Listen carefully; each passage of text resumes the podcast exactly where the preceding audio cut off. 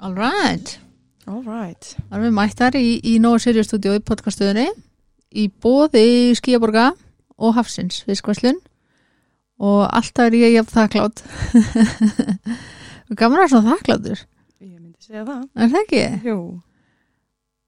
Ekki fyrir snjóin, ég er ekki þakklátt fyrir hann Nei, ég held að það sé enginn þar. Þetta er aðeins svo snemt fyrir það, sko. Já, ég bara, þú veist það, ég, ég var, þú veist, hann má vera í fjöllunum Já. bara halda sér þar bara burt úr lífið mínu annars Já, já. Takk. Ég líka myndi bara flytja út í sveit eitthvað ef að mér langa að ekki komast á milli staða. Þannig að, þá skal ég flytja norður skilur. já, akkurat. En ég ætla ekki, ekki í Reykjavík Nei, nei, nei, nei. Og ekki í oktober. Nei, og bara aldrei, takk, í mínum huga. En það er nú, þú veist, allt í hún hætti að vera jákvæð. Þú veist eftir, ég er bara slökna á jákvæðinni. Já, um leið og fórst að tala um snjóin, sko. Já. En það var ég að kaupa með ferdi tenni, Já, líst vel að rétt á henni kom ég það. var ég og pappi saman til tenni. Árlega ferðin okkar til tenni. Ég hef aldrei komið. Ekki, Nei, ég þarf eitthvað að fara að vinna í því. Halló, Já. ertu ekki Íslendingur eða? Já, nákvæmlega. Ekki nema maður hafi farið til tenni eða nokkuð. Nei, Ekki löggiltur allavega. nákvæmlega.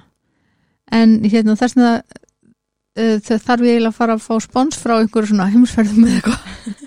Getur ekki bara reynd að plugga því einhvern veginn? Ég segi það, ég, blikk, blikk. Nei, hérna allavega þá erum við mættar hingað. Mm, ég er mjög ána með þig að vera komin hingað til mín. Takk fyrir það. Mér finnst þú mjög hugrökk. Takk fyrir það. Ég er mjög ánað að vera komin. Er það ekki? Jú, ég er það. Gaman að, að hittast hér. Já, Við hefum ekki hýrst áður í svona umhverfi. nei, það hefur yfirleitt verið svona, kannski meiri, hvað maður að segja, svona öðruvísi tilefni.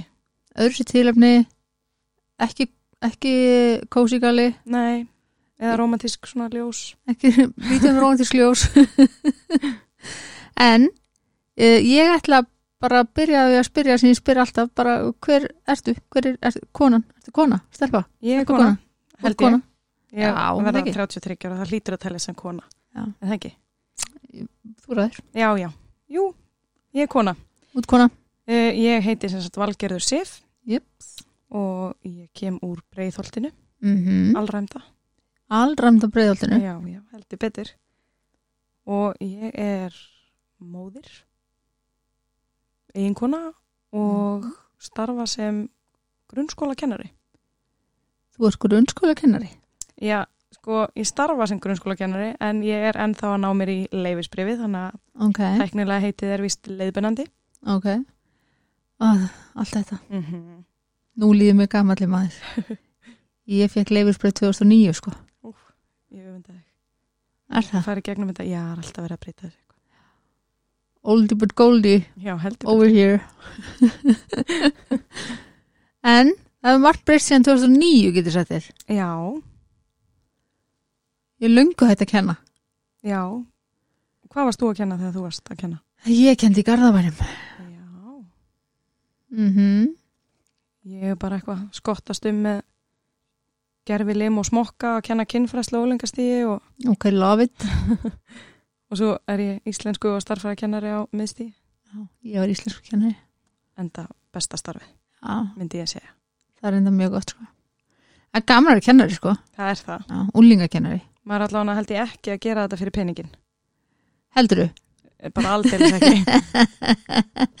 Það er lítið. Já. Maður Mætti alveg maður er ekkert skrúa eitthvað, yes, það er að koma mann á mót. Þurfum eitthvað að fara að skrúa þetta upp hana. Já, ég myndi ekkert mæla móti því. Nei. En það er nú bara þannig, við, mað, veist, þegar maður hefur áhuga á einhverju svona sem snýra fólki, reynda bara eins og ég, þó svo ég sé hægt að kenna, Já. að hérna, á, er maður ekki að því fyrir peningarna, sko. Nei, ég er alveg sammála því. Fór ekki í þetta til að vera ríkur, sko. Nei, ég, það getur ekki verið að einhver gerir það. Fari í kennaran til þess að vera ríkur. Eða bara eitthvað sem snýra fólki, Nei, það verist, verist alltaf vera þema þegar þú ætlar að sinna fólki eða vinna með fólki af einhverju tæja, þá færðu ekki almennilega að borga. Nei. Meður. Þannig að ég væri alveg, þú veist, bara eins og núna, nú er ég búin að vera í heitir eitthvað skona veikindulefi eða eitthvað, Mm -hmm. ég er samt ekkert veik sko, ég er bara fölluð veist, eftir að hafa verið lamin um, búin, ok, segjum bara að heiti veikindarleifi ég er búin að vera í veikindarleifi í, síðan í mars fyrir einu og hálfu ári tæpu. Og uh, þar að leiðindi ekki að vinna neitt eða gera neitt. Að verða friggin geðveik ofan í allt saman. Um, það gefur ekki mikið í, í aðra hönd ef maður getur orðað sem svo Nei, ég get alveg trúið því. um, þetta er það sem gefur mér allt skilur, það er að mæta hingað og hitta fólk eins og þig Akkurat. sem maður vill koma og segja söguna sína þannig að ég er ofborsins þakklátt Það er ég líka. Fyrir tækifærið að fá að koma og spjalla við þig. Yay. Um allt og ekkert. um allt og ekkert Er. En við ætlum samt að ræða ákveði málefni og það er sagan þín Já. Það er, það er rétt. hvernig byrjaði hún? Byrja bara eins og held ég hjá flestum. Mm. Það sem að barn verður til og, og, og fæðist. Já, Uh, enginn geimvísindi þar engin geimvísindi svo sem.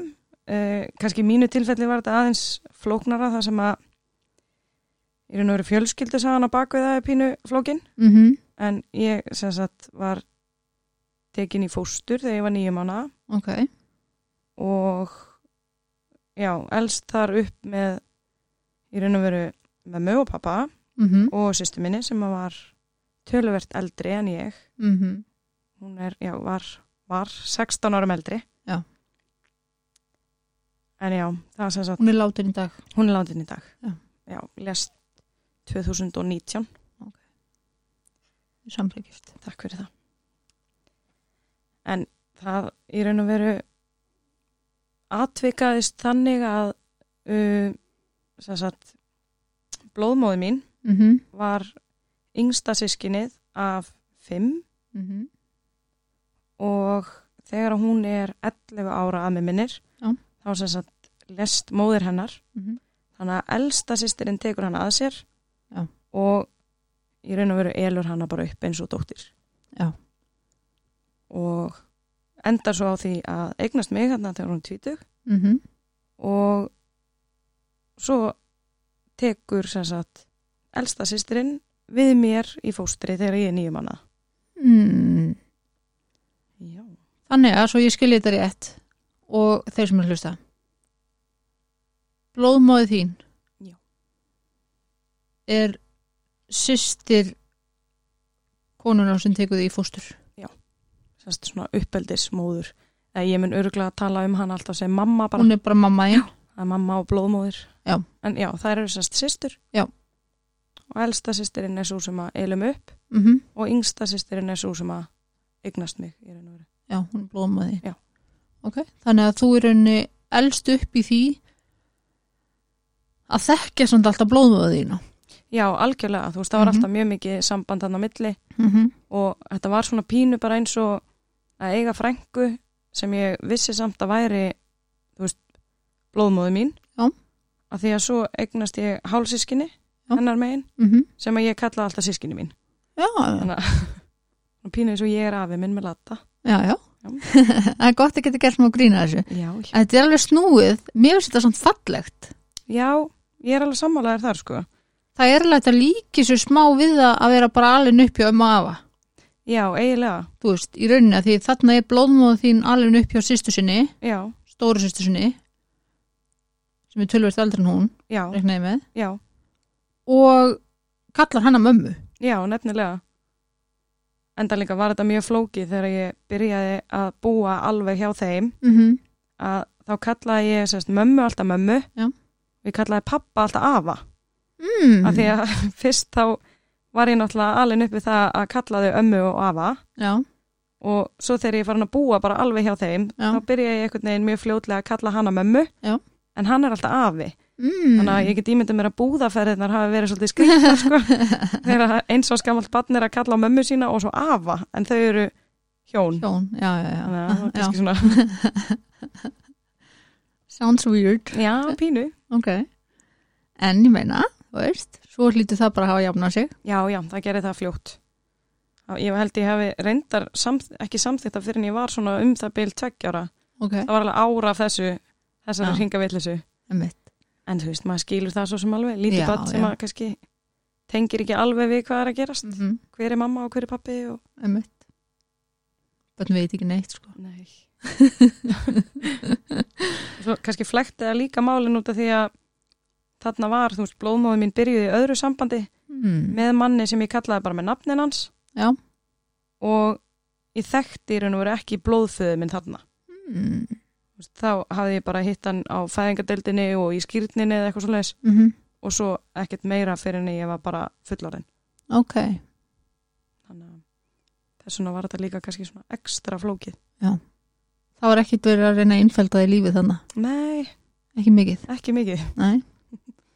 En ég meina en hvernig var samt, þú veist að því hún var ekkit eitthvað brjálaðslega ung þegar hún átti þig? Nei, hún En- var það ekki sko. En þú veist, átti hún samt svona stabíl lífið þannig? Sko, já og nei Mhm. skulum við segja, af því að Ok. ég held náttúrulega mörguleiti hafið það bara tekið rosalega á hana að missa móðið sína svona ung. Já, já, og hérna sérst, hún fæði blóðtappa í heilan. Mm -hmm. Og lest síðan úr heila blóðfalli þegar hún var 11 ára. Ok. og fer síðan og býr náttúrulega bara með sýsti sinni sem hún einhvern veginn byrjar síðan bara að kalla mömmu og, Mm og í raun og veru elst þá upp með sko systur minni. Þær eru á svipuðum aldri. Mm. fætt 74 og 70 ok. Og hérna hún var svona hún var óþekkur úlingur Já. Og mamma mitt gerði oft grínaði sko að á einhverjum tímapunkti þá þá sko va- var hún vildi vera úti eitthvað lengur heldur en að hún mátti vera og, mm -hmm. og mamma samþykti það ekki þannig að hún strauka heiman Já. og fór upp á vassenda með tjald og ætlaði að eiga heima þar og svo bankaði löggan upp á og sagði, byrju fyrir ekki, er þú hérna mammenar önnu? Já. Og hún segir, já, það er ég. Og lauruglumann segir, já, hérna, veistu að hún er í tjaldi upp á Vassenda? Já, ég veit það. Já, þú, hérna, eigum við ekki að sæ- sækja hana, kom, kom með hana heim og mamma segir bara, nei, veistu það, þið með bara eiga hana og svo hún hurðinni. Þannig að þessi saga var mjög svona já, okkur fannst hún mjög gott grín hana en Einmitt. ég get ekki mynda mér að hafa verið kannski auðvelt að vera korki batni eða fullorinn í þessum aðstæðum einmitt þannig að hún, hún átti það til að vera pínu svona óþekktar ángi eins og mamma sagði.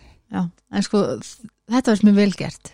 Já, ég er sammála, mjög vel gert. Ég veit ekki hvort þetta myndi líðast í dag samt en, jú, en jú, löggan hefði örgulega bara húmor fyrir þessu. Já, mér fannst þetta allavega helviti gott að því að þarna var hún bara að strjúka og Já. mamma sagði bara, nei, veistu þið megi bara eiga hana. Einmitt. Bara ég, ég er be búin, my guest Já. sko. ég nenn ekkert andýr akkurat, bara ekki, ég ætla ekki að vera með þér sko fyrir að hlaupa eftir einhvert út á vassenda og náttúrulega vera það í tjaldi Nei. og líka bara einmitt í oktober örugglega í, Mhm, veist, vippa veðri og eitthvað einmitt. en hún, já, var svona hún var svona hlemmari já, það var svolítið að hanga nýr á hlemm og, mm, og svo les og svo sérst, maðurinn sem hún kynnist í raun og veru þegar að hún er ófrísk að mér Já. sem er pappi hálsiskinu minna Já. hann var þú veist, í neyslu. Ok. Og ég held að hún hafi nú kannski ekkert verið í neittni neyslu, hún var kannski mestalagi fyktaði við að reykja eitthvað. Mm en neysla, þú veist, var ekki hennar nei, eða neitt svo leiðis hún var ekki, já, ok. Ég meina bara það er svo sem var kannski viðlóðandi þarna að vera hlemmari eins og Já. það var kallað þá jú, jú. að það var svona viðlóðandi en nú eiga svo kannski kærasta eða, eða maka sem var í neyslu kannski svona fylgir því kannski svona óreglu líf. Já, já, það gerði það, enda líka þú veist, ég náttúrulega er of ung til að muna það, þannig að ég get Mhm. kannski meira bara svona sagt frá því sem að mér var sagt, akkurat. En það til dæmis þegar ég var fætt og þau byggu ennþá heima hjá þá mömmu og pappa, mm að þá til dæmis var ég oft skilin eftir þar í pössun, já. Af því að þau voru að fara í eitthvað partí eða þú veist, Mhm.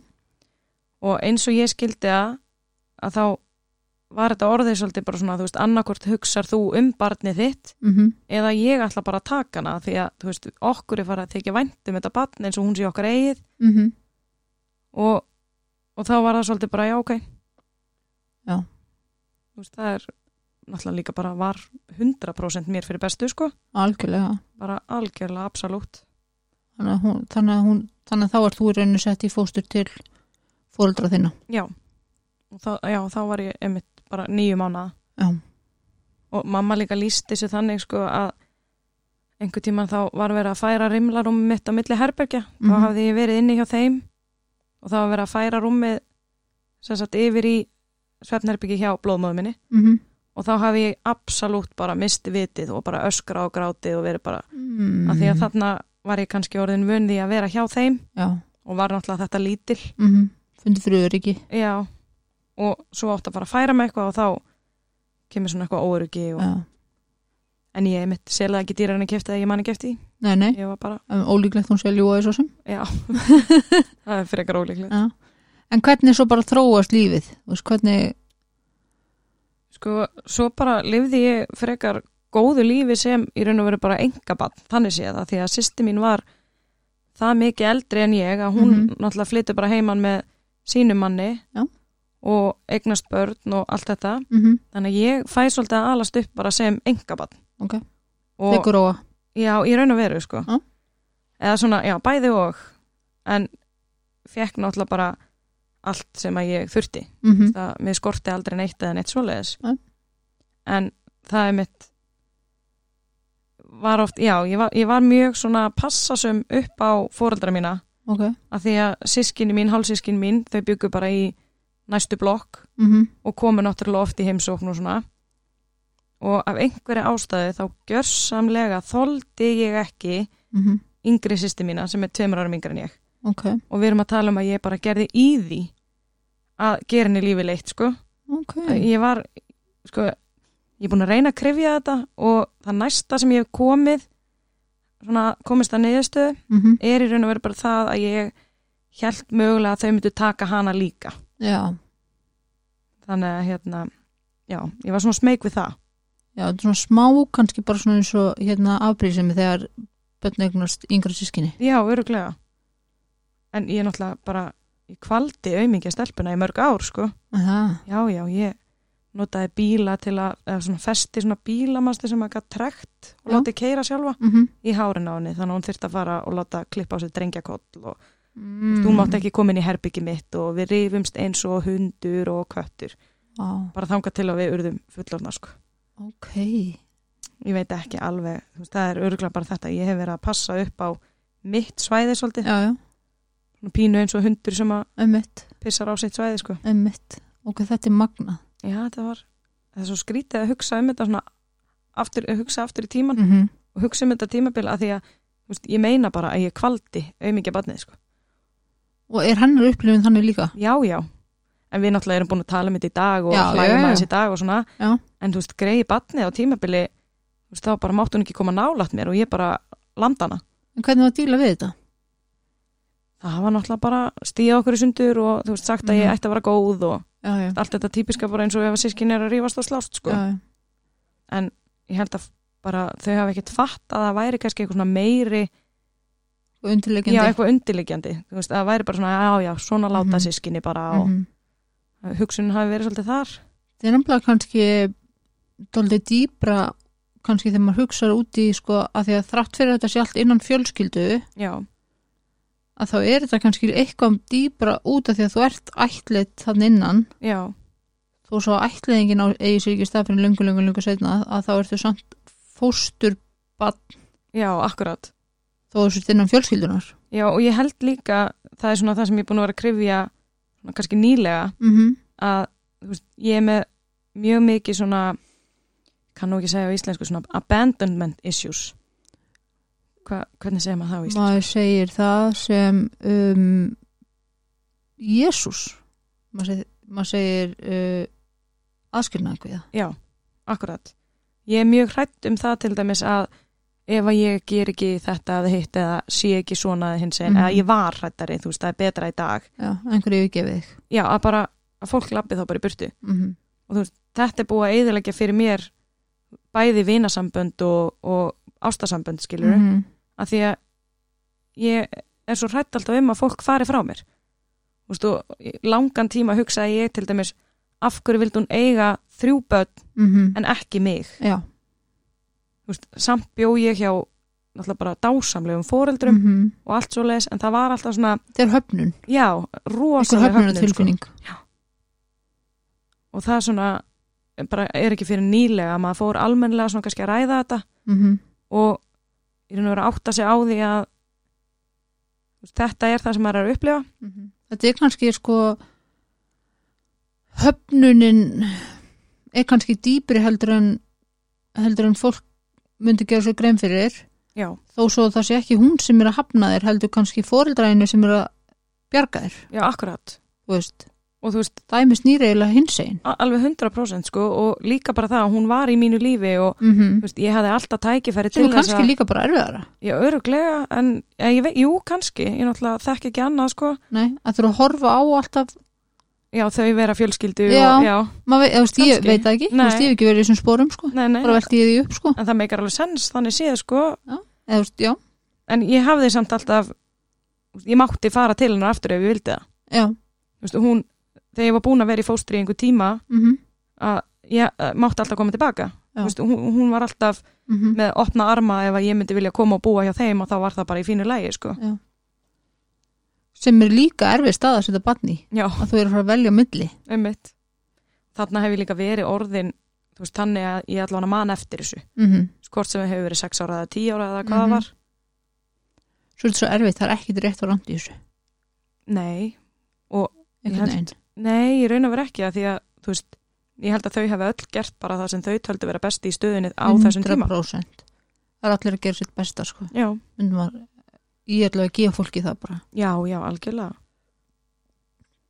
En ég get alveg trúa því bara hugsendum bara þroska batna á þessum aldurspilum Já.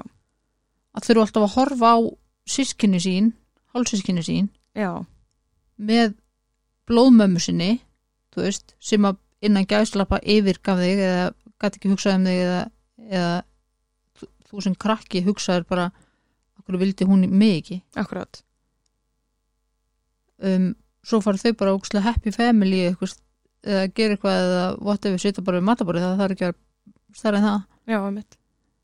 Og líka kannski að því að við vorum svo náin mm -hmm. að veist, við fórum alltaf til útlanda saman. Mm, og þá var alltaf ég og mamma og pappi Já. og svo þau. Veist, þannig að það voru bara svona eins og ef að tvær fjölskyldur Já.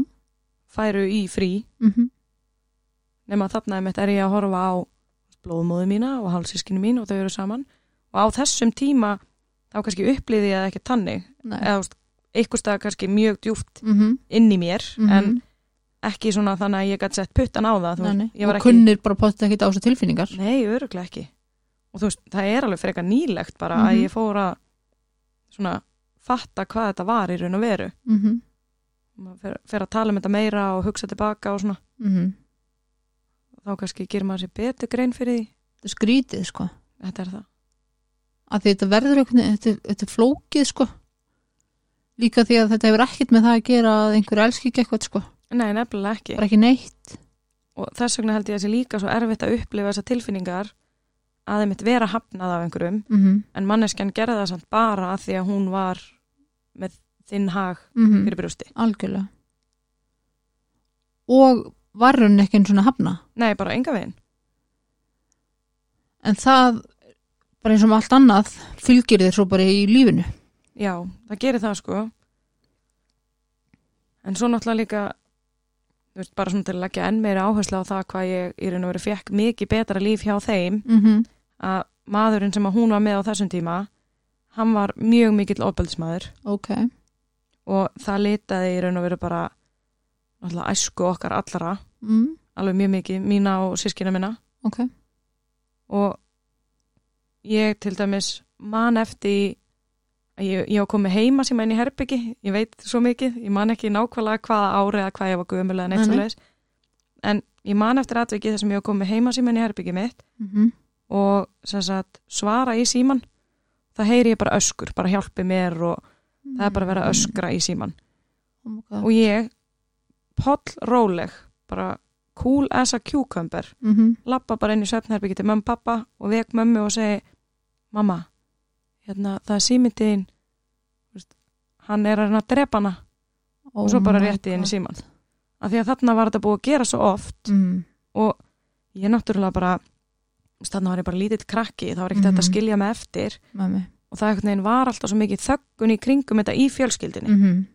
mikið skömm já og, og hún náttúrulega bara búin að vera í hrikalegu ofbeldisambandi mm -hmm. og gati ekkert komið sér út úr þessu einhvern veginn -hmm. Og þá einhvern veginn vildu allir bara svona að við ætlum bara að halda þessu eins og ekkert hafi gæst og hún hendur honum út hérna í einhvern smá tíma og svo kemur hann bara aftur já, já. enda bara föst í ofbeldisambandi Mm en náttúrulega viðbröð mömmu og pappa voru enga veginn rétt í þessu Nei. enda kannski bara vissi ekki betur eða ég veit, ég veit ekki hvað var hvernig sko. voru viðbröðin og því þau sem sagt, í hvert skipt sem þetta gerist mm -hmm.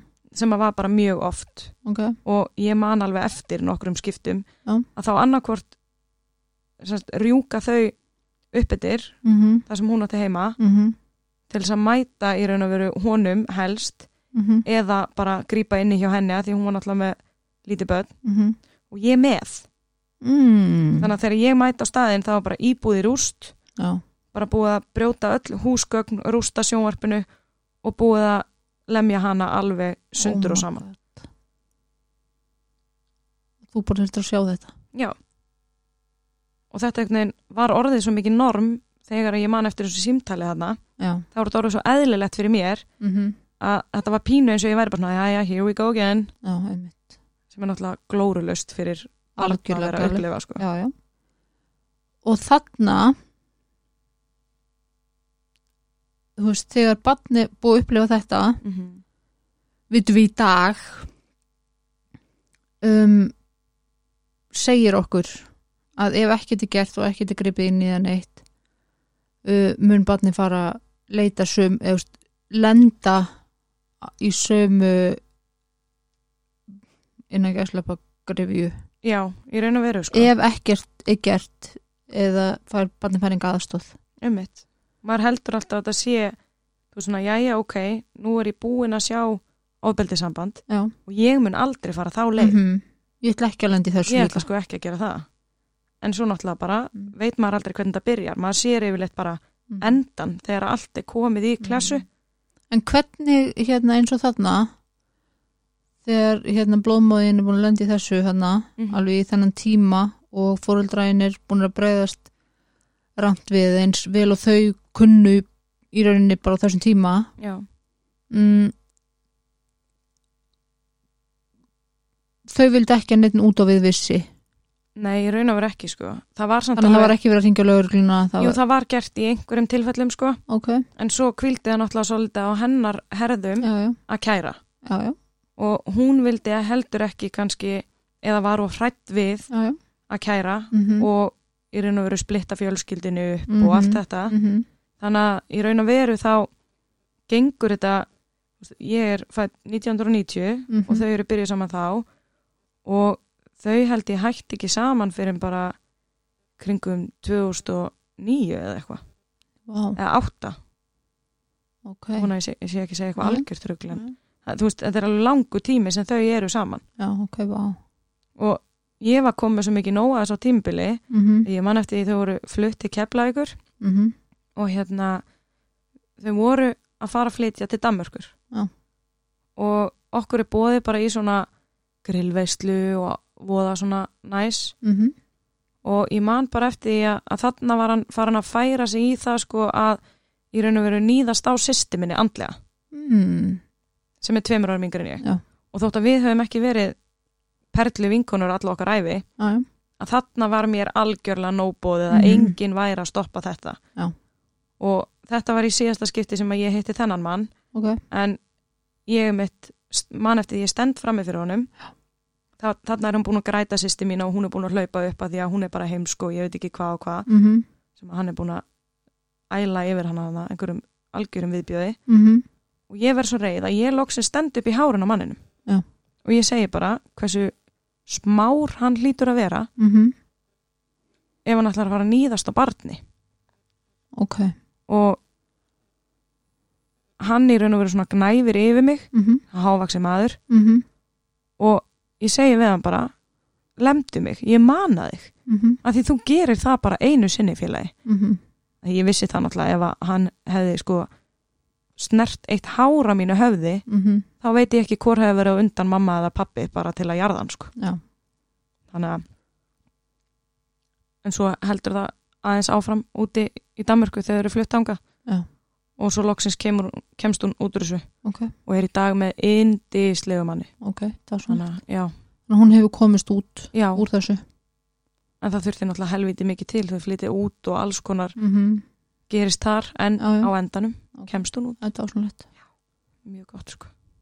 Það er nefnilega það sem fólk áttar svo oft ekki á sko í svona ábeldi samböndum mm þegar fólk segir okkur fór hún ekki bara? Eða Einmitt. okkur ferði ekki bara það er náttúrulega bara hægara sagt en gert. Já, þetta bara virkar ekki alveg þannig. Nei, nei, og maður veit að líka eins og ég þegar ég að því ég fer náttúrulega sjálf síðan í ofbeldisamband mm -hmm. þegar ég er bara úlingur Já. og ég sjálf gerði mér ekkert grein fyrir þessum svo kallu rauðu flöggum. Nei, uh, byrjum á byrjun á því hvernig hvernig þróast svoleiðis hjá þér, eða svoleiðis, hvernig þróast það sko ég í raun og veru bara kynnist þarna strák Já. sem að var bara því líkur draumaprins. Já, já. og bara aldrei kynnst jafn góðu manni á æfi minni. Mm og þetta er þegar maður er svona að stíga sín fyrstu kærustu paraskref. Mm er alveg það, ég var alveg það ung. Okay. og hérna og sem sagt hann er bara rosalega góð við mig mm kynni mig fyrir öllum vinum sínum og við og veru verðum strax bara alveg ótrúlega mikið svona saman Já. og ég geri ekki neitt annað heldur en að vera með honum -hmm. og hans vinum og einhvern veginn fer bara svona að hunsa mína eiginvinni okay. sem er kannski svona fyrsta það var ekki það, hann, hann nefnilega var ekki svona típiskur hann bannaði mér ekki að hitta vinni mína eða hann notaði einhvern veginn aðrar aðferðir til þess að útiloka mig svolítið frá vinnu mínum og fjölskyldi okay. er til dæmis klassíst raukt flagg. Akkurat. Að manstu hvernig já, það, það var í raun og veru bara það að við vorum alltaf með hans vinum. Veist, það var engin tími fyrir mig til að hitta mína vini. Já. þannig að það bara svona atvikaðist einhvern veginn. Já, bara svona hægt og rólega. Já. Og svo kom náttúrulega þetta típiska svona love bombing Mhm. sem að ég var bara besta sem hafði nokkru sinni komið fyrir hann og Mhm. ég veit ekki hvað og hvað en það gerðist yfirleitt einmitt eftir að ég var ásökuð um það að hafa verið að horfa á eitthvað vitlaust eða Mhm.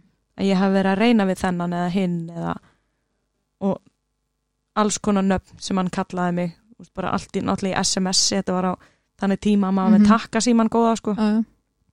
og svo eftir það þá náttúrulega bara guð ég elska þig bara meira en allt og ég veit ekki hvað ég væri án þín og, og allt þetta. Mhm.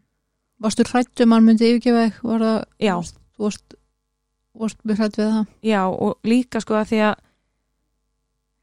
sko hrætt við höfnunina? Já og líka bara einhvern veginn mér fannst alltaf eins og allir aðrir væru betri en ég. Mm -hmm. þannig að þú veist eins og í þessu sambandi þá var hugsunin svolítið automatist bara hann er sætar en ég mm.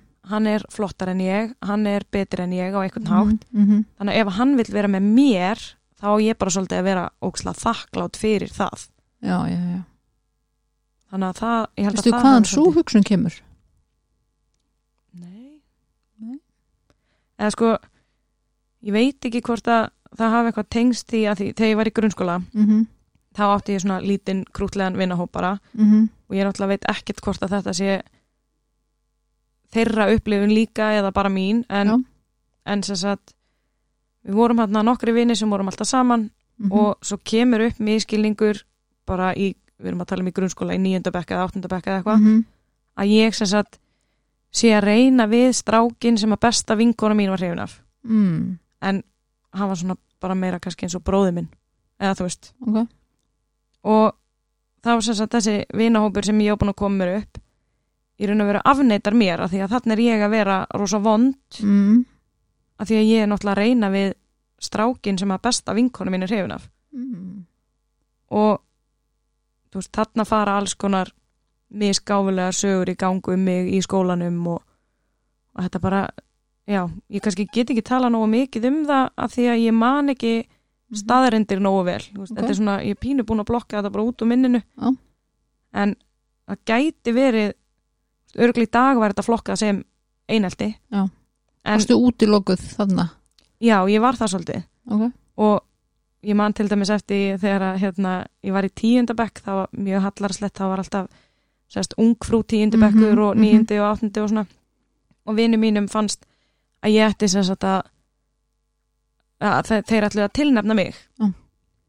og mér fannst það bara pínu brandari og var bara eitthvað haha, já, ok.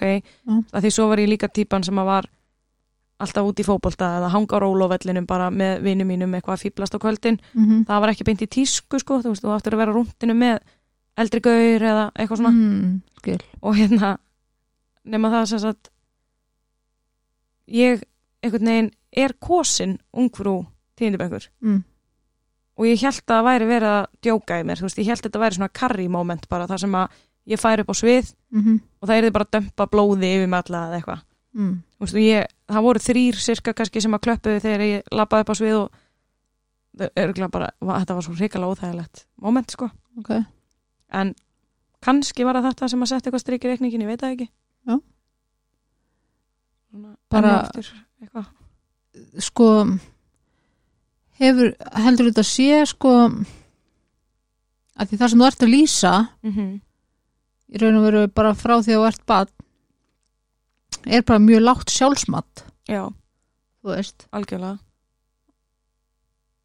Er það eitthvað svona sem að hefur bara fylgt þér alltaf eða er það já, veistu, ég held það. Aha. Þang, þú veist, það er ennþá þarna mm, eitthvað svona bakvið já, þú veist, það emmar oft og ég, ég díla alveg við svona im, imposter syndrom, heitir mm það? já, já, það er alveg vægt svona imposter syndrom í mér. Ok. Uh, en ég samt er alveg búin að vinna daldi mikið í því að þakka í þessu bara Já. og þegar Gott. ég fór í framhaldsskóla mitt þá var ég svolítið bara svona fake it till you make it Já. og nú ætla ég bara að vera einhver allt önnu persóna Já. hér þekki mig enginn, mm ég get verið hver sem er Já. og þá ákvað ég að ég ætla ekki að vera einhver einhver svona veggjalús sem að læðist með frá veggjum og lætur ekki í sér heyra mm ég ætla bara að vera ég og þá að vera hávær og einhvern veginn bara þú sjálf Já, kom reyndar alveg tímabil þar sem að ég var með eitthvað, eitthvað forma líka síki sko. ok, Mér finnst það fyndi í dag en það var ekki fyndi þá nei, nei, en ef það hefði ekki verið fyrir vinkonum mínar á þeim tíma Já. sem að stoppuð mig af og voru bara eitthvað fyrir ekki hvað er að þér? Já. Akkur ert að ljúga svona, við vitum að þetta er ekki satt Akkur ert að gera þetta? mm Þarna bara svona small eitthvað í hausnum á mér og ég bara já ok, ég, ég þarf sem sagt ekki að búa til sögur til að gera mig merkilegri heldur en ég er mm. ég má bara vera ég? Og Ok. þær eru samt bara að fara að halda áfram að vera vinkonum mínar. Ok, þannig að, eins og þú þurftir að búa til svona eitthvað annað sjálf? Já, ég raun að til vera þess að til þess að vera aðtilsverði eða já, ég raun að vera sko. ok, ok, og ég skilði þetta voru líka bara svo skrýtnir hlutir sem að ég var að búa til þú veist, einhver tíman þá þetta er svona atvik sem ég hef settið í mér og mista mjög fyndið í dag sko. ok, en þá þetta voru vini mínir í framhaldsskóla með svona söpveikökur Já. Og ég fæ mig bita og eitt segir eitthvað svona í gríni eitthvað, já, vonandi ertu ekki með mig fyrir hnetum. Og ég svona spýtur út um mig bara, oh my god, ég emmi orða mig fyrir hnetum. Sem bara bull, skilur bara algjört bull. Og þarna voru vingur mína bara eitthvað sif, þú varst að borða snikkes á þann sko, bara hvað er að? Bara eitthvað svona algjör steipa uh, ok. Þetta er smá svona þú veist, að því nú erum við raunin mikið með úlingum og svona, mm er smá svona bara mér er alveg sama hvaðan aðteglingin kemur vantar bara aðtegli, já, í raun og veru.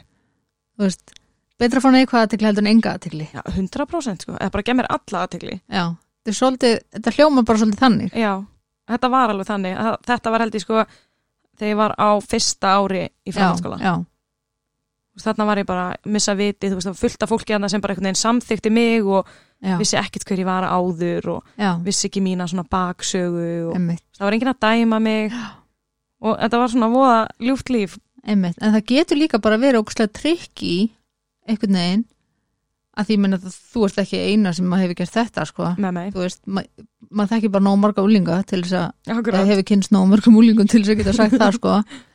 Mm, en getur verið trikkja snúa við sko. Já, 100%. þú er átt góða vinkonir til að geta bara hana sparka í sköplungin á þér sko. Já, en sko, ég er svo æfinlega þakkláta því ef að þær hefði ekki sett mig bara á minn stað, já. ég er að vera verið bara, heyrðu, halló, ding dong, Mm hvað er að gerast hérna? Það hefði ég bara haldið þessu áfram. einmitt. Var ennþá bara rækjandi út úr söpveikökum já, eða bara, þú veist, segjast vera með ég veit ekki, einhverja sjúkdóma eða eitthvað, ég væri bara komin ég er að segja ykkur að ég er 1.85 að hæð. Sko. já, ég er ekki nema 1.60 veist. Bara þið sjá bara villist, ég er já, 1.85 já, þið eru bara í ruglinu. Og þetta var líka alltaf svona kjánalegi hlutin sem skipti engu Já. máli. það er yfirlt þannig. Já, þetta gerði mig ekki einu svona merkilegri heldur en ég var, sko, þú veist. Nei, að vera með ofnami fyrir hnetum er ekkert eitthvað súper áhugaverð það er bara versen það er bara, já, það er Skilur- djöfisvesen það má ekki opna nýjöndupoka í flugvelinni eitthvað svona, versen nei, nei, þetta var yfirleitt svona eitthvað, eitthvað glórulöst, sko.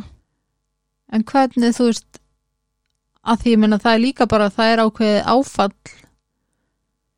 Ég veit ekki hvort þú áttið á því. Held samt að gera það sko.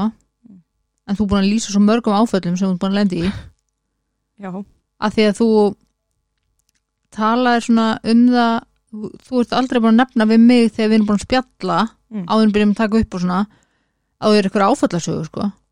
Nei, ég, sko Nei, bara svona eitthvað einmitt gert Já. eitthvað svona bara hingað þangað í gegn tíðina sko, ég, ég fatta einhvern veginn alveg að þetta séu áfull mm. en það er eitthvað svo skrítið að að það verið útilokaður úr vinahópi. Já, sem í dag er þið nú líklega að kalla einelti, já, það er bara áfall út af fyrir sig sko, akkurat. Þú veist. Mér finnst einhvern veginn erfitt, ég veit ekki hvað það er mér finnst einhvern veginn erfitt að nota þetta orð yfir atburði í mínu lífi. Mm þú veist að því að þá þá er ég ekkert annað eða einhvern veginn, ég veit ekki hvað er. Mér finnst ég tengja svona við það þú veist, ef að ég fer að tala um það ég var orðið fyrir rosalega miklum eða mörgum stórum áföllum -hmm. að þá einhvern veginn finnst mér eins og það sé það eina sem fólk er eftir að sjá skilur, ég en ef ég tala bara um að ég á skrautlega sögu, mm -hmm. það er svona þægilegra já, já, kannski ekki eins svona dramatist dramatist, já, bara algjörlega ég skil alveg hvert þú ert að fara sko. Ég er bara svona rétt aðeins að benda þér á já, takk fyrir það. Ég, þú átt mjög skröðlega sögu sem er fulla áföllum. Já, alveg 100% sem að þú mátt alveg svona acknowledge sko, já, ég það kannski vera dugleiri við það. Að því að sko ef ma- ef maður áttar sig eða maður sér ekki áföllu sín. Eða viðurkennir ekki að hlutinni sem maður hefur lendi í séu í alvegni áföll og er alltaf að gera lítið úr þeim að þá nærmar ekki vinnur þeim. Nei, ég held einmitt að þó að ég sé búin að vinna fullt í þessu Mhm. bara í raun og veru með því að ræða þetta að ræða þetta við fólk sem ég treysti og alls konar þá hef ég til dæmis, ég hef aldrei leita til neins fag aðila Nei. ég fór einu sem til sálfræðings og hún fór svo í töðan á mér út af því að eina sem hún sagði mér var að huglega Já, og ég, bara, ég get ekki huglegt að ég burtu aðskilur nei, það sem hefur gerst. Nei, nei, bara gefði mér eitthvað tól og bara, þá gafst ég upp. Veist, ég var bara, neip, þetta er ekki fyrir mig. Mm ég bara finn út úr þessu sjálf. Já, já, bara tengi. Já, svolítið svona þemað í mínu lífi líka. Bara græða þetta bara. já, já, þetta, og svo bara rettast þetta Já, já. Og ef ég gerir þetta ekki, þá verður þetta ekki gert rétt. Ég bara, ég tengi við þig sko. En þetta er í rauninni bara, þú veist og þetta er svo á svo mikið veist, við um fólk ég ætla ekki að segja bara við konur eða bara við whatever, eitthvað svona. Mm. þá bara við um fólk sem er duglegt, stert, eitthvað svona veist, maður bara svona keirir þetta bara áfram. Já. en fólk sem er duglegt og stert og keirir þetta áfram, það lendir líka veggjum sko, Já, það Og- gerir það sko. maður þarf líka bara að passa sig einmitt á því að krassi ekki bara. mm en þú fattar það ekki þú ert búin að krasa sko. Nei, nei, það er ekki, gerir ekki búið undan sér, sko. þú ert ekki svona, heyrðu, heyrðu, heyrðu nú Ah. held ég að ég fyrir alveg bráðum að krasa ég ætla að grípa inn í áður en það gerist Einmitt. ekki enga sem við gert það Nei, ég sé það allavega ekki fyrir mér, sko. Nei. en við vorum byrjar að tala um að þú fórst fórst í óbyrðisamband eins og það hafi verið meðvitið ákvörð þú endaðir í óbyrðisambandi lendir í óbyrðisambandi Já. Já, við vorum einmitt komnar hans út í þarna hvernig í raun og veru hvaða tækni hann notaði til þess að mm -hmm. útiloka mig frá vinnum. Hvort sem þetta var meðvitu ákvörðin eða ekki, þá tókst það bara ágætlega. Og sem sagt, það er alltaf fyrir fólk sem ekki veit að þá er það alltaf sko auðveldara fyrir ofbeldismann og ofbeldismadur getur verið hvað kyn sem er já, algjörlega. um, það er auðveldara að beita ofbeldinu þegar það búið einangra 100%. mm -hmm. þannig að jú, það er meðvitað ákvörðun Já. Og, já, og ég held líka bara, ég veit ekki okkur maður er einhvern veginn ennþá að afsaka fólk. Já, já, en þú veist, ég hugsa eitthvað svona, já, við vorum svo ung bla bla bla, en þú veist ofbeldismenn hafa kannski ekki beint einhvern einn aldur eða nei, nei, líta út á einhvern einn hátt sko. Alls ekki.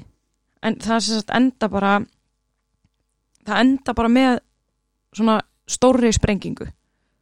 Reiknaður aldrei með því að þú er þér manneska sem að myndir fara í ofbeldisamband Já. nei, aldrei ég hugsaði alltaf bara, nei, veistu það? Ég veit hvernig ofbeldismæður er mm hvernig hann haga sér já, og ég mun aldrei mögulega hvernig hann lítur út. Já, já, nánast bara. Já, já, þannig að mig grunaði það ekki sjálfur sko. og svo einhvern veginn, þú veist, eins og nefndir á þegar maður emmið bara ekkert sjálfs álit mm bara svo kemur einhver og segja eitthvað frábæra æðislu og dásalega og, tala nú ekki um bara eitthvað sætu strákur skiluru og, Mhm. og, og þá er maður bara eitthvað, vá, ok sem er ótrúlega vond náttúrulega. Þetta er ekki, já, já, bara þetta er bara hryllingur. Það er skiljanlegt miða við söguna.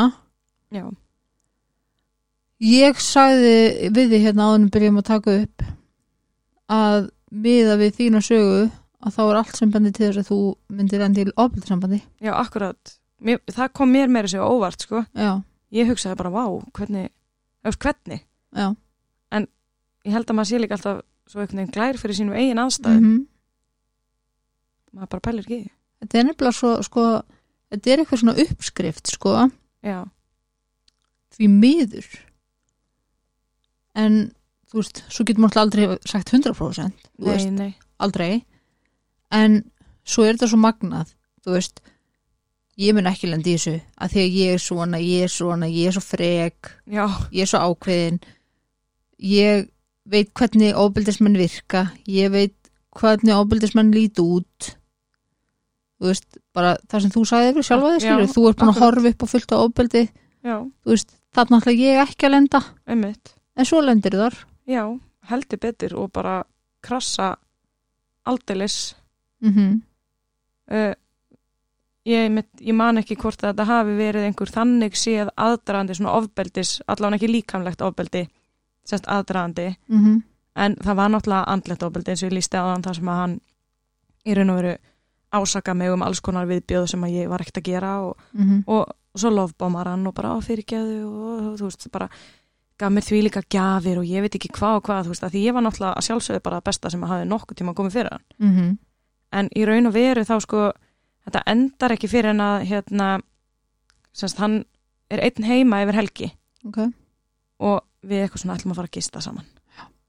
og sem sagt ég bara mæti á staðinn og við allt bara byrjar mjög eðla við bara erum að fara, fá okkur að borða mm förum svo inn í herbyggi og erum að horfa á mynd og byrjum svo eitthvað svona að kissast og eitthvað -hmm. og hann svona tekur fram handjárn og er eitthvað svona mig langar ógislega að prófa að nota þetta mm. og ég eitthvað bara þorði aldrei að segja nei sko. Nei. þú hefði getað sagt um mig bara hoppaði niður á þessari byggingu og ég hefði verið bara ok, Já. þú veist, bara sagði ekki nei við neinu og bara Já. lefði fólki ítrekað að fara yfir mín mörg sko. Mm og ég eitthvað svona já já og hann sérst endar á því að hann djafna mig hann við opn inn í svefnarbygginu ok, og þar er raun og veru nöðgara mig bara ítrekað í bara marga klukkutíma ok og skilur mig svo bara eftir já, og alveg í rúman sólarring bara næstu því yfir helgi. Já. Og þetta er einmitt eitthvað sem að afskaplega fáir vita mm -hmm. um mig. Mm en þú veist, það er samt bara fínt að segja þetta bara upp á þetta því að, -hmm. þú veist, veginn ég hef ekki, þetta er eitthvað sem ég vil hva, hvað minnst tala um. Mm og það eru rosalega fáir svona útvaldir sem að hafa heyrt þessa sögu. -hmm. en þú veist, við erum að tala um bara að ég bara pissaði á mig og, og þú veist, þetta var bara hræðilegt, þetta var bara frelsisvifting Mm en eftir þetta að þá líka fer ég. -hmm. Ég, þetta er náttúrulega bara hróttalegt þetta er algjör viðbjöður en ég náði að koma mér út eftir þetta Já. og fekk náttúrulega því líkar svíverðingar yfir mig og símhríkingar bara í, þú veist, mörg ára á eftir það sem var ennþá að ringi mig og kalla mig ógíslega hóru og bara ég veit ekki hvað og hvað hvernig finnst þið bara reyfið upp ég verð að viðkynna að það er alveg pínu skrítið sko, mm. Þú veist, ég fann það alveg svona, ég fór að anda svona pínu hraðar og, Mm -hmm. og já, að því að einhvern veginn þegar, þegar ég hef verið að tala um þetta Mm -hmm. þá er það yfirleitt bara við einhver svona eina vinkonu sem ég Mhm. veit að hefur svipaða svona áfallasögu -hmm. Og við getum einhvern veginn svona speklað okkur í tráma hvor Mhm. annarar sko. -hmm. þannig að það er svona pínu það er alveg pínu sjokk að rifja þetta upp sko. Ég trúi því vel. Já. Ég er, mér finnst þú brjálæðslega hugur takk fyrir það. Að því ég veit alveg að það er fólk sem hlustar sem mun tengja. Já, því miður. Já því miður. En samt samt mjög gott að einhver þorir reynilega bara stíga fram og segja frá. Já, akkurat, vonandi bara hjálpar það kannski einhverjum sem að það gerir það, er í þessari stöðu eða hefur þannig. verið inni það er þannig sko. En mjög hugrökk og stert að bara reynilega þóra að fara í burtu eftir þetta. Já, ég veit ekki, sko, það hefur komið bara einhver ofurkraftur í mig, sko. Mm -hmm. að því að þarna náttúrulega hafði ég líka bara eiginlega engan til að leita til veist, það var enginn sem að tóka móti mér og ég var ekki að fara að segja mömmu frá þessu. Þú veist, því þarna hugsaði ég líka bara vá hvað þú ert heimsk sif. Bara að þú hafur í alvörni látið gappa þig út í eitthvað svona mm. þegar þú veist nákvæmlega hvað þú veist blóðmóðin er búin að gangi gegnum -hmm. og sýstín, Mm -hmm. þú ert að láta plata þig út í sama bullið og þú veist, þú getur ekki farið og sagt við mömmuðina, herðu þetta gerðist. Þú veist, ég líka búin að vera í ábeldi sambandi bara þú ert, þú ert eina vonin bara á, skilur að eiga dóttur sem að einhvern veginn lifir eðlilegu lífi. Eða þú veist, ég veit ekki, Já. svona spáðu í, spáðu í brenglunni sem við þarna búið að koma inn í hausina þér. Akkurat, að þetta sé í alvörni þér að kenna. Einmitt. Og ég trúði því bara ógisla Já. lengi. Spáðu í völdunum sem ábyrðismenn geta haft. Já, bara yfir hausnum á manni. Þú en það er líka bara, þú veist, þeir eru sérfræðingar í þessu. Já, já.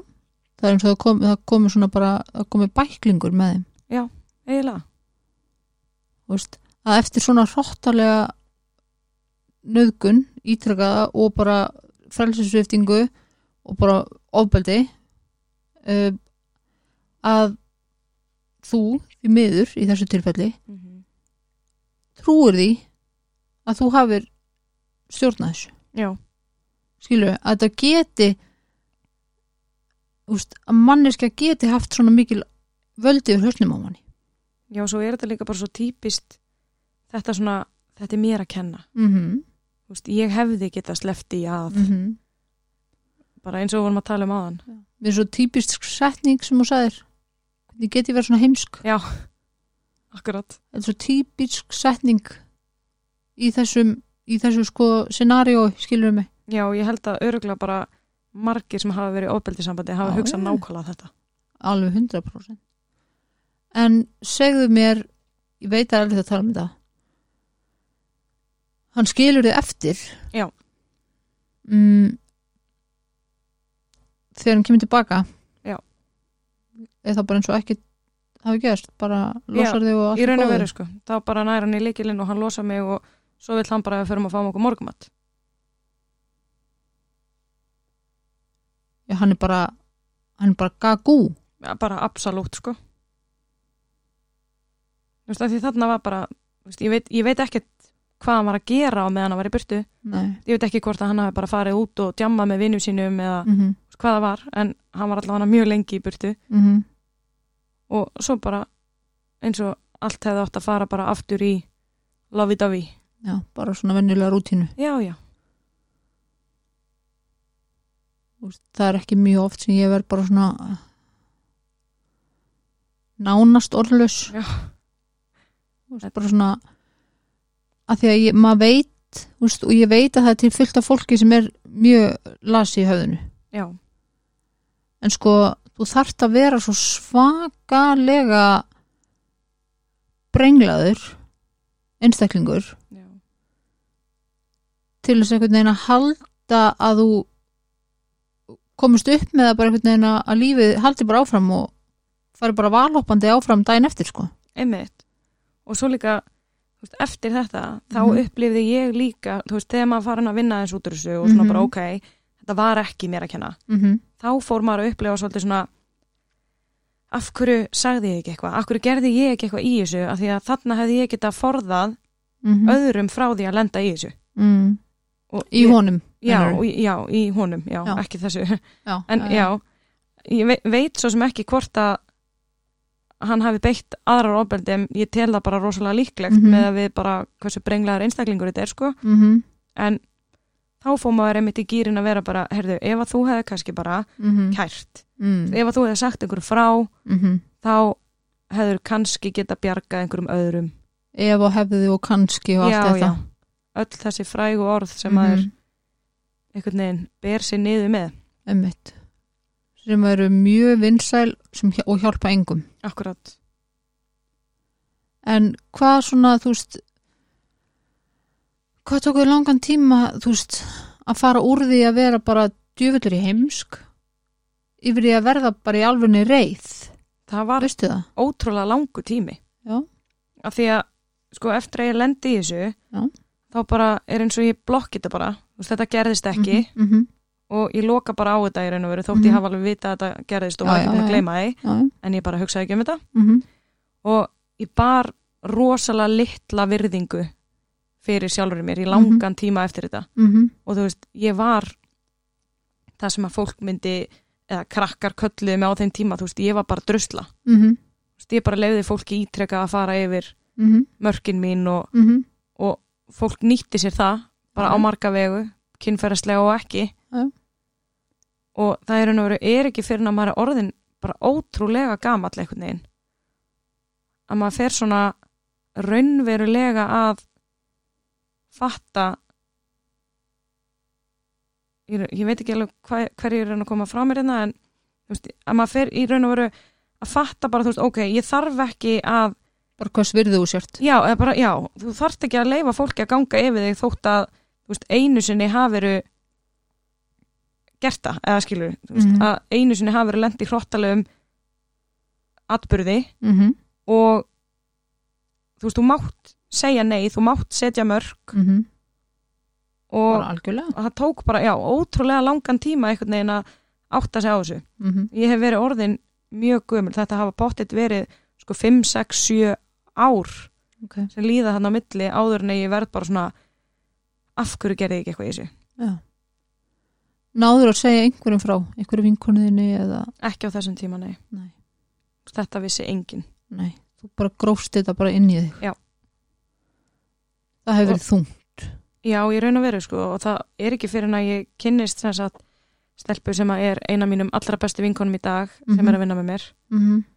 og við vorum bara eiginlega, við vorum að kynnast bara og þetta var í COVID og Mm einhvern veginn samkomu bönn og þú veist, það var samkomubönn og Helgi Björns já, og, já, eitthvað eitthvað svona svona. móðarhessandi já, að við sem sagt ákveðum að fara út fá okkur fá okkur drikk Já. fá okkur snarl og við ætluðum svona að hafa þetta svona eitthvað vinnu viðburð en við endum einhvern veginn bara að fara tvær. Ok og við förum bara að tala um alls konar mm -hmm. sem einhvern veginn fer í það að tala um að við höfum lent í alls konar og, og það var í fyrsta skipti sem að ég saði þetta uppátt bara ever við einhvern annan en bara hausinn á mér sko ok, og það var bara 2021 eða eitthvað vá Já. hvernig var það? það var rosa skrítið sko var það léttir? já, af því að mér finnst einhvern veginn eins og eftir það Mm -hmm. að því hún er líka þannig manneskja Mm að hún er ekki meðvirk með þér veist, hún er einmitt manneskja sem myndi setja mig bara á minn stað og vera bara, Mhm. heyrðu, halló -hmm. og ég hef bara rosa gott af því Já. og það er einhvern veginn bara svona eftir þetta, eftir að við tölum saman þarna Mm -hmm. þá byrjar miklu meiri sjálfsvinna Já. þarna var ég að vísi búin að eignast bæðibönni mín og náttúrulega búin að vinna helling í öðrum málum. Já. og kannski meira þá svona æskunni og, Mm -hmm. og svona. En þarna hefst þessi vinna af alvöru. Er svo mikilvægt sko. Já. ég get alveg sko að því að einhvern veginn heldur maður alltaf að þú eignist bestu vinni á okkur x aldrei sko. Já. Svo kemur einhver svona manneskein í lífið þitt. Mm sem þú getur treyst fyrir bara eins og í þessu tilfelli þínu dýrsta leyndamáli akkurat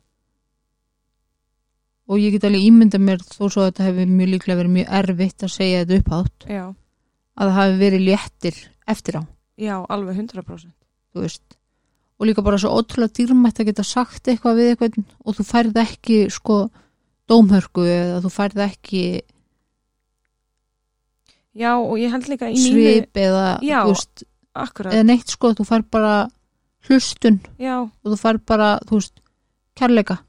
Ég held Skilur. líka sko í mínu tilfelli þá skipti það svo ógeðslega miklu máli að fólk var ekki að vorkenna mér. Já. Þú veist, að því mér fannst ég ekkit vera grei Já. Þú veist, þetta bara gerðist, mm þetta var ekki mér að kenna. -hmm. en ég vildi ekki að fólk væri eitthvað svona oh, oh my god, ægi, oh, þetta er bara þú veist, ég vildi ekki fá þessa vorkun. af því að ég var búin að fá svo mikið af henni gegnum árin veist, Mhm. mamma náttúrulega búin að vera sjúklingur alla minna æfi, mm -hmm. búin að fá krabba minn og fara, veist, að fá nýtt nýra og ég veit ekki hvað hvað, bara Mhm. endalist af einhver svona kennarar horfði alltaf á mig sem grei þegar ég var yngri, okay. það var alltaf aumingja sifa því að mamma hennar er svo veik og aumingja sif, hún er svo dugleg við þurfum alltaf bara að senda hann á bókasafni því að hún vill ekki leika við aðra krakka því að mamma hennar er svo veik, eða skilur það var svo- mikið svona og það skipti mig ennþá rosa miklu máli í dag mm -hmm. að fólk líti ekki á mig sem eitthvað svona eh, fólk horfir á mig en ekki þú veist það sem kom fyrir mig. Já, bara algjörlega sammála því. Einmitt held ég svona kannski ein helsta ástæðan fyrir því að maður svona veigri sér við að deila svona hlutum Mhm. er einmitt að fólk fari kannski að horfa öðruvísi á mann þú ert ekki fórnalamb nei, nefnilega ekki. þú ert ekki þú ert ekki, og ég er bara algjörlega sammálaðir þarna, mm -hmm. þú ert ekki áföllin þín sko, bara 100% ekki. Ekki frekar en þú ert ekki veikindi þín. Nákvæmlega. Þú ert bara manneska sem átt sögu sko. Einmitt. Og ég var einmitt svona ég var smá svona tvístegandi hvort að ég ætti að actually bara segja þetta mm -hmm. sem kom fyrir eða hvort að ég ætti að svona skauta fram hjá því skiluru og vera Mhm. bara já ég fór í ábælt samband og það Mhm. endaði illa af því að svo vinn ég náttúrulega með fólki og ég mitt vill ekki að ef að þau hlusta að þau hugsi þá já ok, óf, eitthvað svona veist, þá er enginn að koma öðru sér fram við þig út af þessu sko Nei, og það stressaði mig alveg pínu en, Já. en ég meina ef svo er mm. að þá bara verður það þannig og þau verða þá bara eiga við sig skilur Já. allir, Mm. ekkert bara vinnufélagar heldur bara veist allir í kringum hann En það er bara sko ef að fólk gerir það þá er það þeirra óöryggi. Mm -hmm. og þá er það oftast ég ætla náttúrulega ekki að alhafa Mhm. en oftast er það þannig að það er eitthvað sem fólk á eftir að vinna með hjá sjálfu sér sko. Einmitt, eitthvað sem fólk situr eftir með sem það hefur ekki unni með. Já. Já, já, það er bara áfram gakk skilur já, þangar til að krasa sko. Já, en það er rauninni bara hérna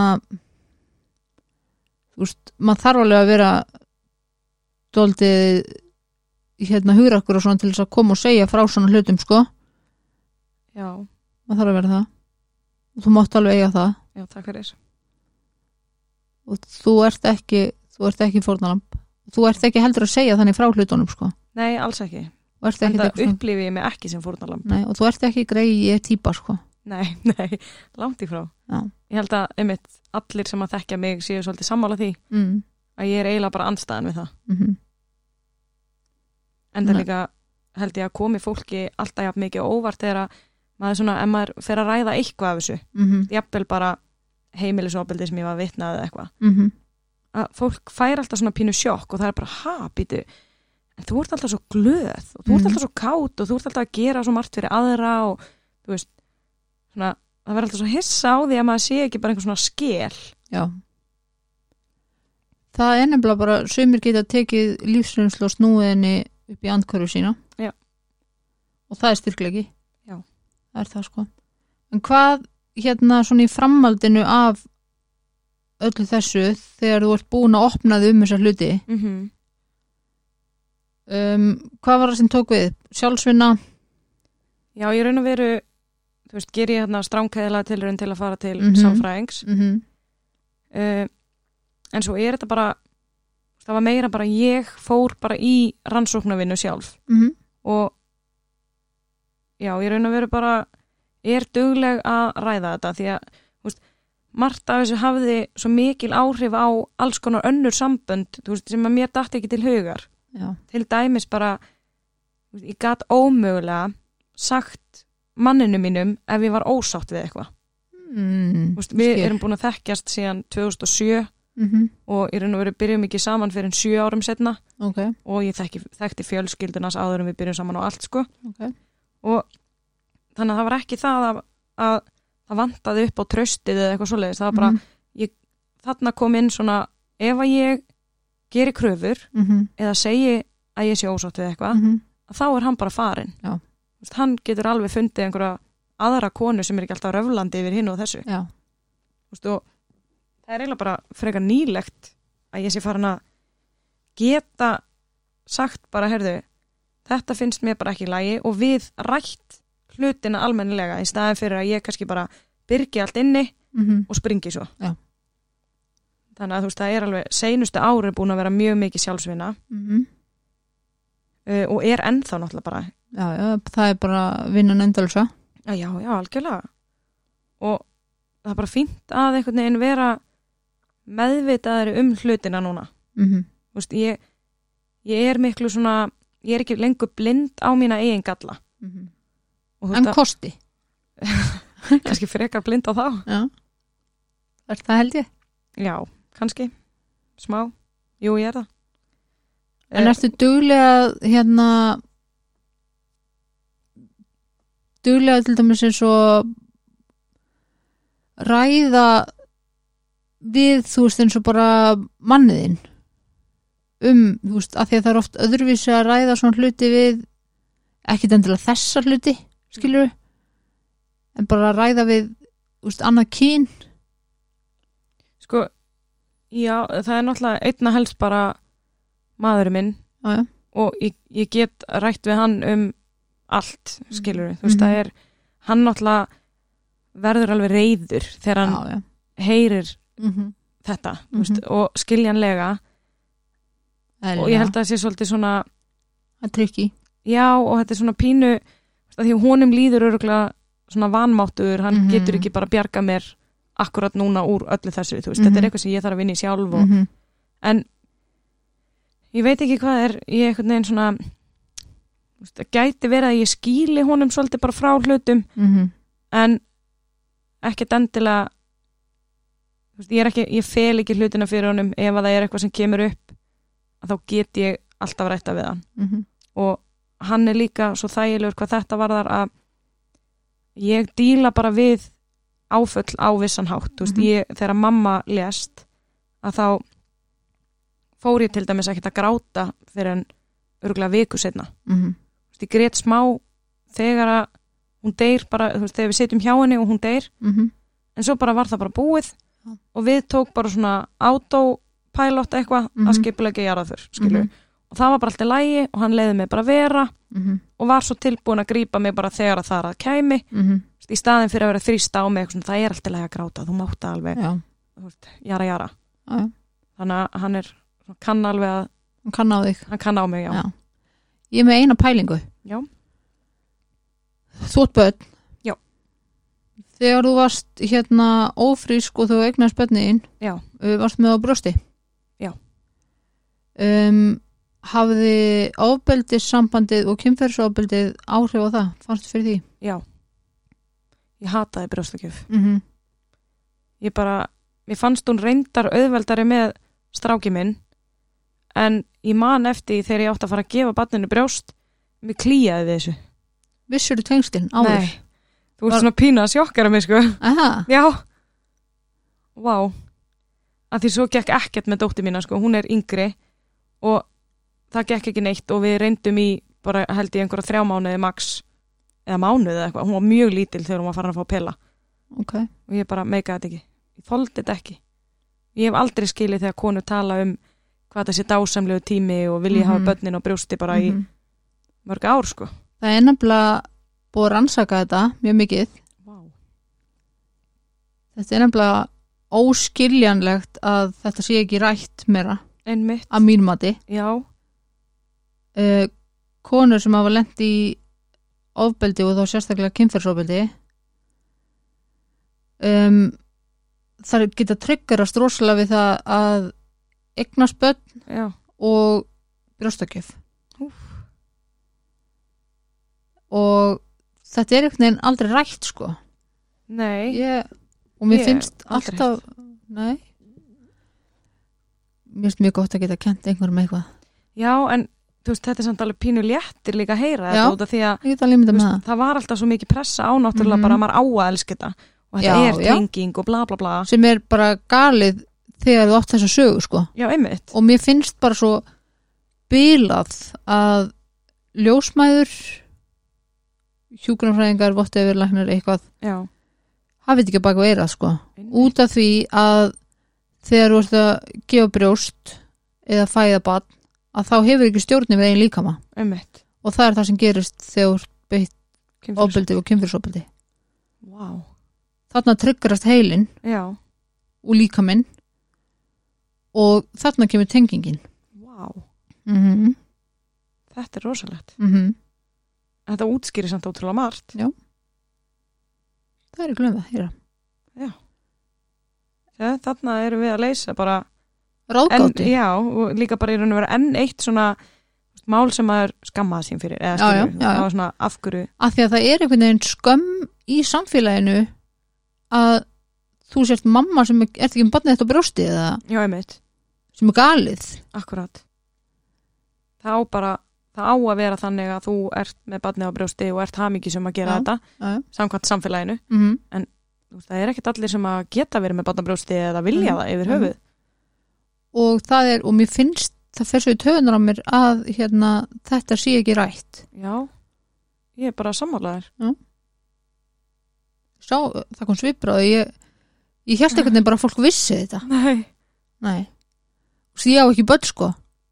Ég bara ég er í sjokki yfir þessu sko. Já. en þú veist, samt svona á jákvæðan hátt Já. því að þú veist, þetta er alveg svona aha moment. Mm. ég er bara að koma ljósapera. Ok, gott. Mm. Þannig að leistu við eitt vandamál já, í huganum, leistu Já. með eina flækju. Já, það má segja það. Það er, það er gott.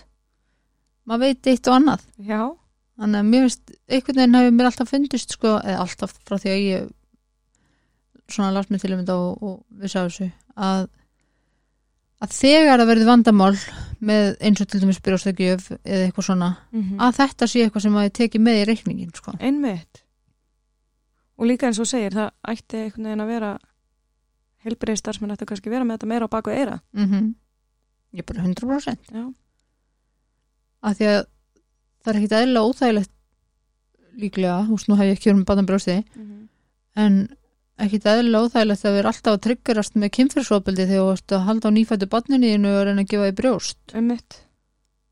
Skilur, vera alltaf að missa missa stjórnin á líkamanninum já, enda líka bara veit ég fyrir víst sérstaklega með stelpuna ég, veist, ég átti mjög erfitt með að tengjast henni sem Mhm. getur alveg hafa verið fæðingaþunglindi, ég já, tjekkaði ekki á því. Já, en það lagaðist í raun og veru um leið og ég hætti að setja þessa pressu á brjóstakjöf. Það var allt miklu einfaldara. Já. og einhvern veginn þá fór ég fyrst að svona virkilega tengja við þetta bann skilur spáði það. Já. Þetta er magnað, þetta er svolítið magna þetta finnst mér dóldi magnað. Já. Anna, ljósa per moment. Já. En þetta er hérna, já. En hvað er svona hérna um, eitthvað annað svona sem að við erum að, erum að gleyma ykkur? Það held ég nú ekki. Nei. Þú varst þannig fullorinn þegar þú varst ættleitt Já, ég, já, ég náttúrulega, mamma deyr hérna 2019 og sýsti mín stuttu eftir Já, og þá ráðust við pappi bara í þetta ferli bara við tvö. já að nú er þið tvö eftir Já. í koti Seinasta greinin á ættatrinu. Já Svo er nú nokkra greinar út frá þér Það er það. Og vissulega náttúrulega fjölskyldan sem ég á út í Danmörku, þú veist, sískinni mín og blóðmáðu mín og, og þú veist, það er sambandi okkar er rosalega gott. Ok. Og, og hérna bara veist hvað er langt í burtu. Mm og náttúrulega líka bara sambandi við eins og sýstirina mömmu, aðra sýstirinnar sem að hérna hún raun og veru bara tók rosa vel utanum mig þú veist þegar þetta gerist. Ok. Þannig að hún varði einhvern veginn eins og bara mamma númer tvö smá. Mm eða þrjú. Eða þrjú. Og ríka mömmum. Já, ég er það nefnilega. Og þú veist, hún kemur einmitt líka fram með börni mín bara eins og þau séu ömmu börn sko. Já, þannig að þú veist, það er alveg dásanlegt ok, æði. Mm -hmm. þannig að það er bara bjart framundan. Já, ég myndi nú segja það. Mm, heldur betur, það er dásanlegt það getur allavega ekki farið niður á við hérna held ég. Nei, held ég ekki. Nei. en það er eitthvað, það er allt upp á við. Allt upp á áfram við. gakk, Áf, áframgak sko. Er það ekki? Jú, er það ekki bara svolítið eina leiðin eða? Jú, ég myndi segja það. Áframgak en ekki hrasa. Ekki, leitaði, eða þú veist. Já, það má rasa það má hrasa en ekki ekki, ekki kannski veigraði við að leita þér aðstóðar uh, of lengi. Mm og það er eitthvað sem ég ætla sjálfa að taka til mín sko. Já, þó að einn sálfræðingur hafi ekki verið fyrir mig að Mhm. þá eru fullt af öðru flottu fagfólki að núti sem að eflaust getur hjálpa mér heilan helling sko. Akkurat Þannig svo má einhvern veginn ekki gleyma því að það þarf ekkert endilega að heita sálfræðingur sko Nei, það Alls ekki. hvað sem er sko enda líka sér maður það bara að maður getur sest niður með fólki eins og þér og talað um hlutina og Mhm. mér finnst í hver skipti sem maður segir svona hluti upphátt að þá einhvern veginn þá, kemur alltaf smá svona plástur á sálina Já. þannig að það er líka bara mjög jákvætt að ræða þessa hluti hvort það er við 100%. fagfólk eða ekki ég minna að það er, ég get að lofa því að það er fullt af fólki sem, hlust, sem mun hlusta þetta sem að fær fullt út úr því sko. Ég vona það, það er þannig sko. Er það ekki bara fínustu lokaður því okkur eða? ég held það. Ég held það. Er það bara að taka aðeinslega fyrir að koma til mín? Segja söguna þeirra já, takk fyrir að hafa mig bara. Ég bara mínu öll ánæðan og bara takk fyrir að hlusta